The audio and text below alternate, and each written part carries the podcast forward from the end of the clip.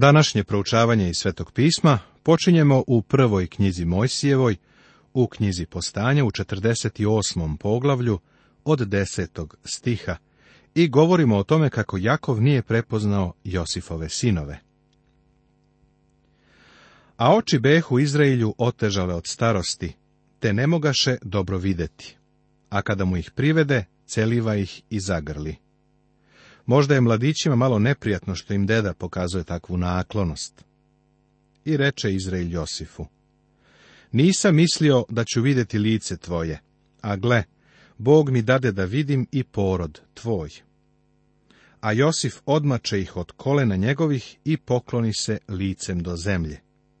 Izgleda kao da su ova dva momka pokušala da pobegnu od dede, kada je on počeo da ih obasipa pažnjom pa ih uze Josif obojicu, Jefrema sebi s desne strane, a Izraelju s leve, Manasiju pak sebi s leve strane, a Izraelju s desne, i tako ih primače k njemu. Josif sinove dovodi dedi da bi ih ovaj blagoslovio.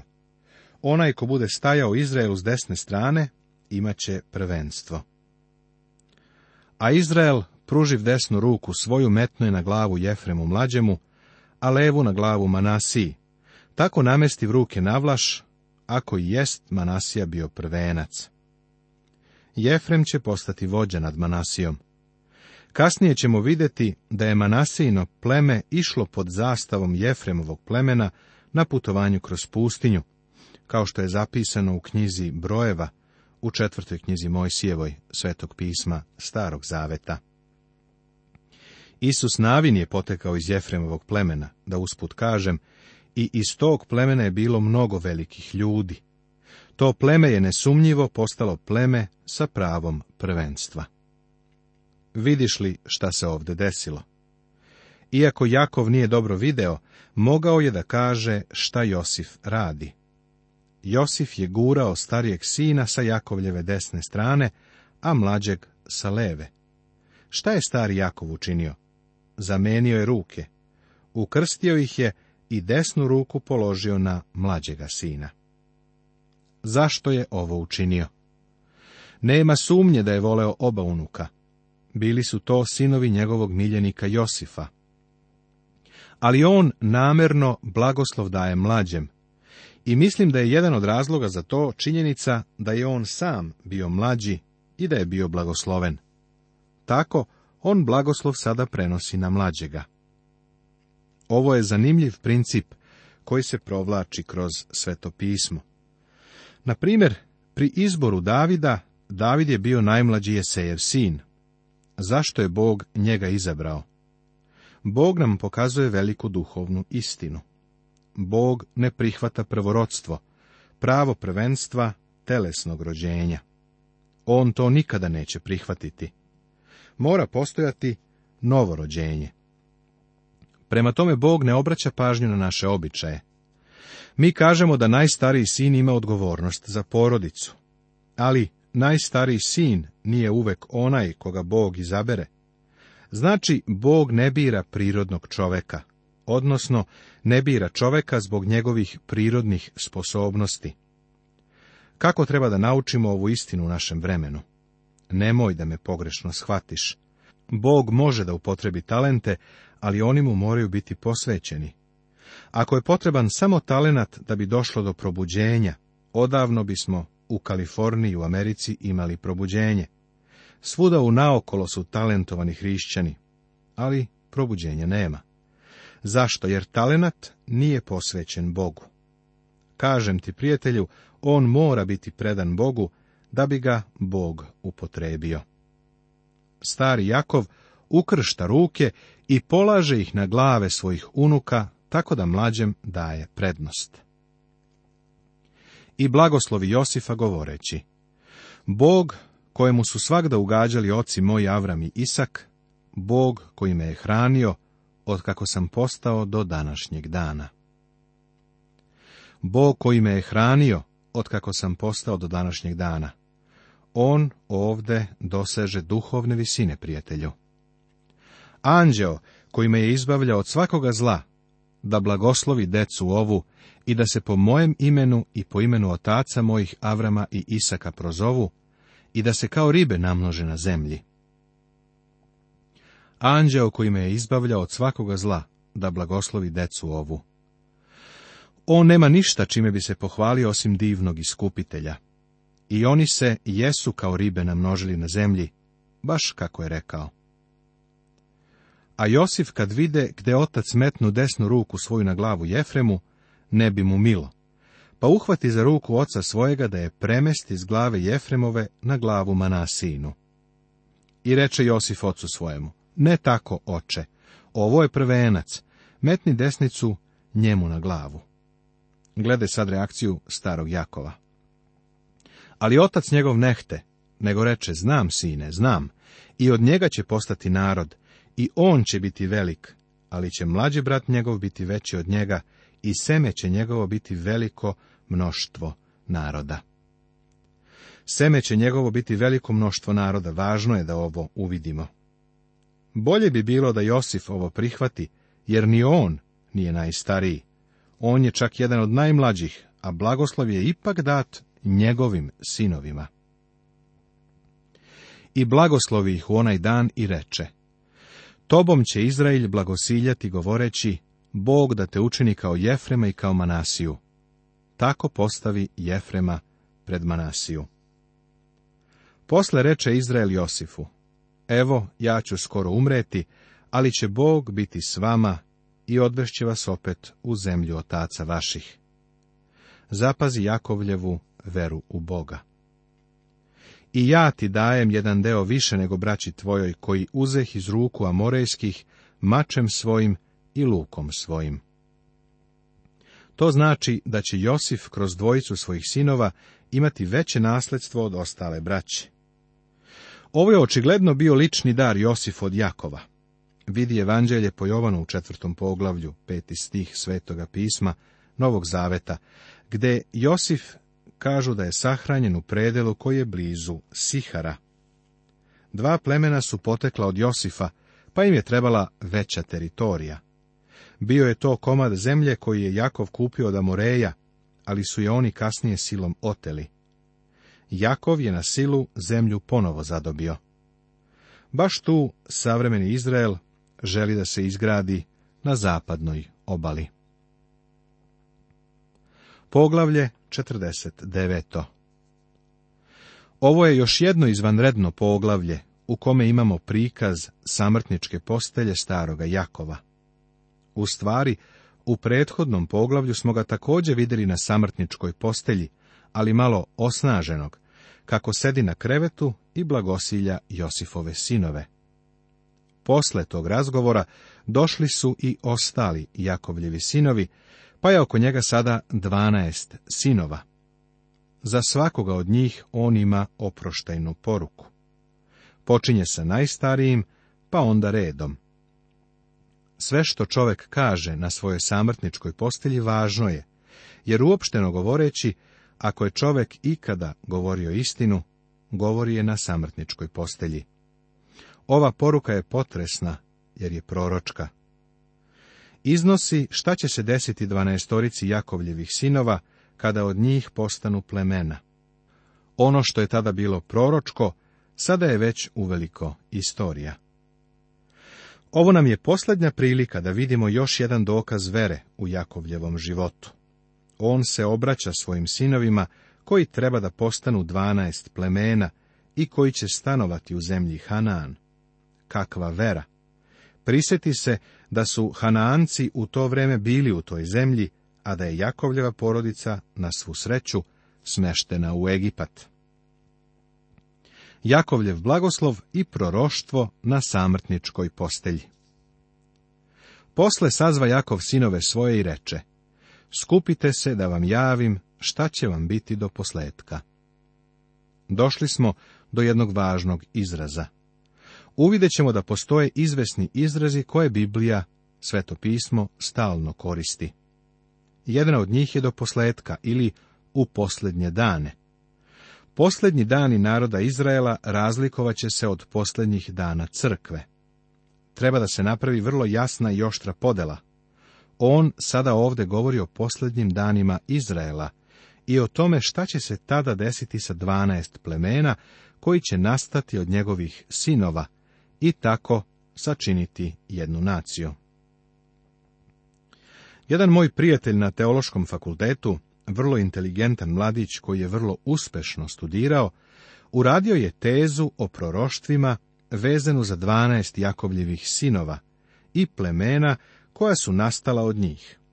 Uživao sam u razgovoru sa njim, jer je uvek nešto novo nudio.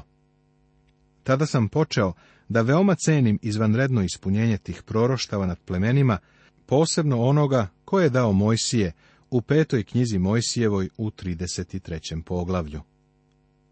Mnogi govore o činjenici da su određena proroštva u vezi sa izraelskim narodom ispunjena. I to je tačno.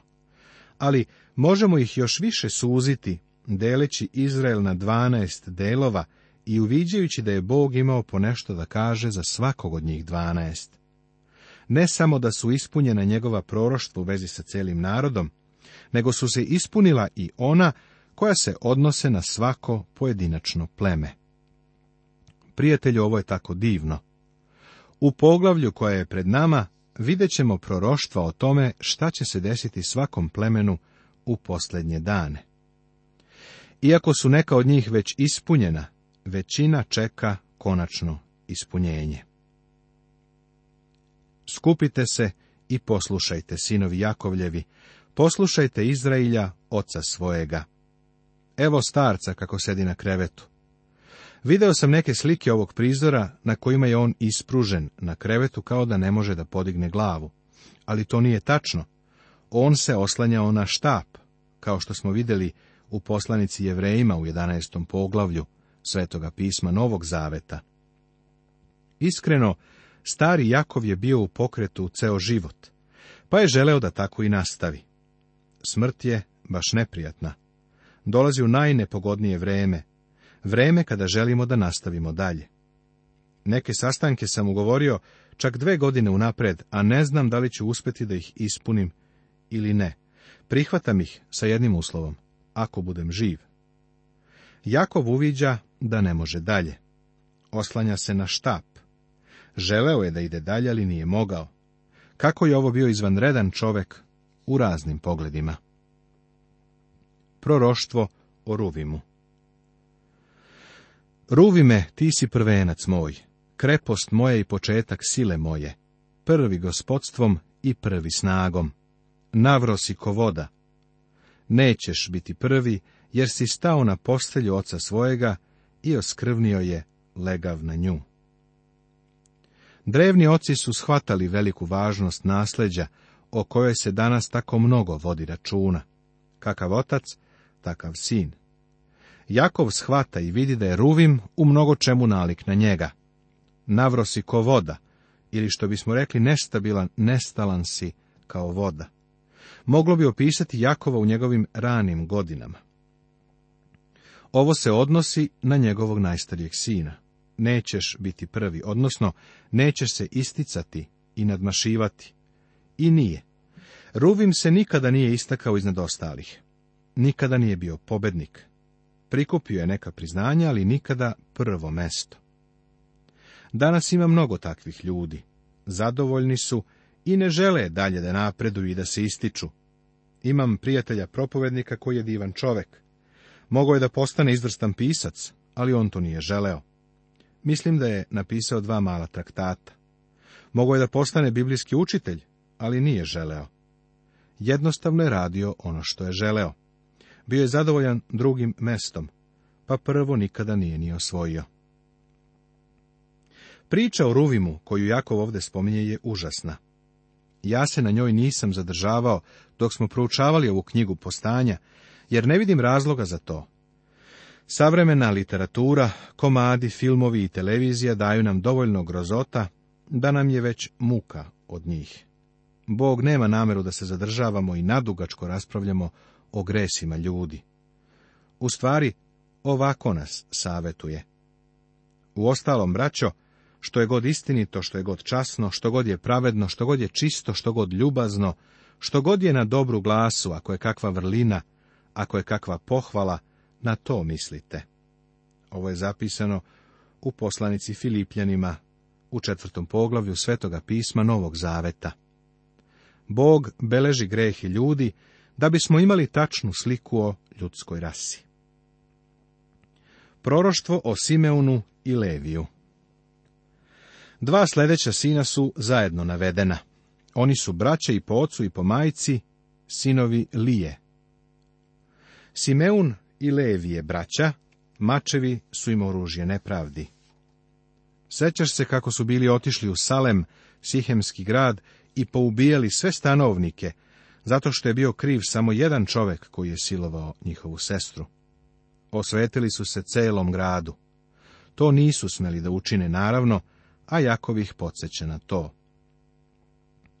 U tajne njihove da ne ulazi duša moja, sa zborom njihovim da se ne sastavlja slava moja, jer su gnevu svojem pobili ljude i za svoje veselje pokidaše volove. Proklet da je gnev njihov, što beše nagao, i ljutina njihova što beše žestoka. Razdelit ću ih po Jakovu i rasuću ih po Izraelu. U Leviju se pokazuje izvanredna Božja blagodat. Istina je da su bili rasuti po celom Izraelu, ali zato što su učinjeni svešteničkim plemenom. Božja blagodat je ta koja je mogla da uzme jednu okrutnu osobu, kakav je Levije, i da od njega načini poglavara svešteničkog plemena. Božja blagodat je i nas, grešnike, promenila u carstko sveštenstvo, prijatelju moj. Danas su svi vernici sveštenici. Među njima su obraćene pijanice, obraćene prostitutke, obraćene ubice. Dosta njih je bilo u crkvama u kojima sam ja služio. Kako su oni postali sveštenici u Božjem carstvu? Baš kao i svi mi, čudesnom Božjom blagodaću. Znajući da od svog sujetnog načina života, koji vam je od vaših otaca predan, niste iskupljeni propadljivim stvarima, srebrom ili zlatom, nego dragocenom krvlju Hrista, kao nevinog i čistog jagnjeta. Ovo je zapisano u prvoj poslanici Petrovoj u prvom poglavlju Svetoga pisma Novog Zaveta. Zatim on nastavlja i u drugom poglavlju i kaže Pa se i sami kao živo kamenje uziđujete u duhovni dom, u sveto sveštenstvo, da posredstvom Isusa Hrista prinesete duhovne žrtve koje su Bogu ugodne. O kome on govori? O onima koji su otkupljeni dragocenom krvlju Hristovom. Ruvim je izgubio pravo prvorodstva, a Simeun i Levije su također izgubili to mesto. Car neće poteći ni iz jednog od ovih plemena. Ali tu je još jedan sin, koji je također grešnik. Videćemo ćemo šta je Božja blagodat učinila za njega. Proroštvo o Judi Juda, tebe će hvaliti braća tvoja, a ruka će ti biti za vratom neprijateljima tvojim, i klanja će ti se sinovi oca tvojega. Klanja će ti se sinovi oca tvojega. Zašto? Jer je gospod Isus Hristos potekao iz judine loze, a pred njim će se svi pokloniti. Laviću juda, s plena si se vratio, sine moj. Spusti se i leže kao lav i kao ljuti lav. Ko će ga probuditi? Evo jednog od najdivnijih proroštava u Svetom pismu. Palica vladalačka neće se odvojiti od jude, niti od nogu njegovih onaj koji postavlja zakon, dokle ne dođe onaj kome pripada, i njemu će se pokoravati narodi. Dok ne dođe onaj kome pripada, ili šiloh na jevrejskom, a to je vladar, ovo je jedno od najlepših proroštava u celokupnoj Božjoj reči. Već nam je kazano da je u pitanju ženino seme. To je bilo prvo proroštvo o Hristu. I još mećem neprijateljstvo između tebe i žene i između semena tvojega i semena njezina.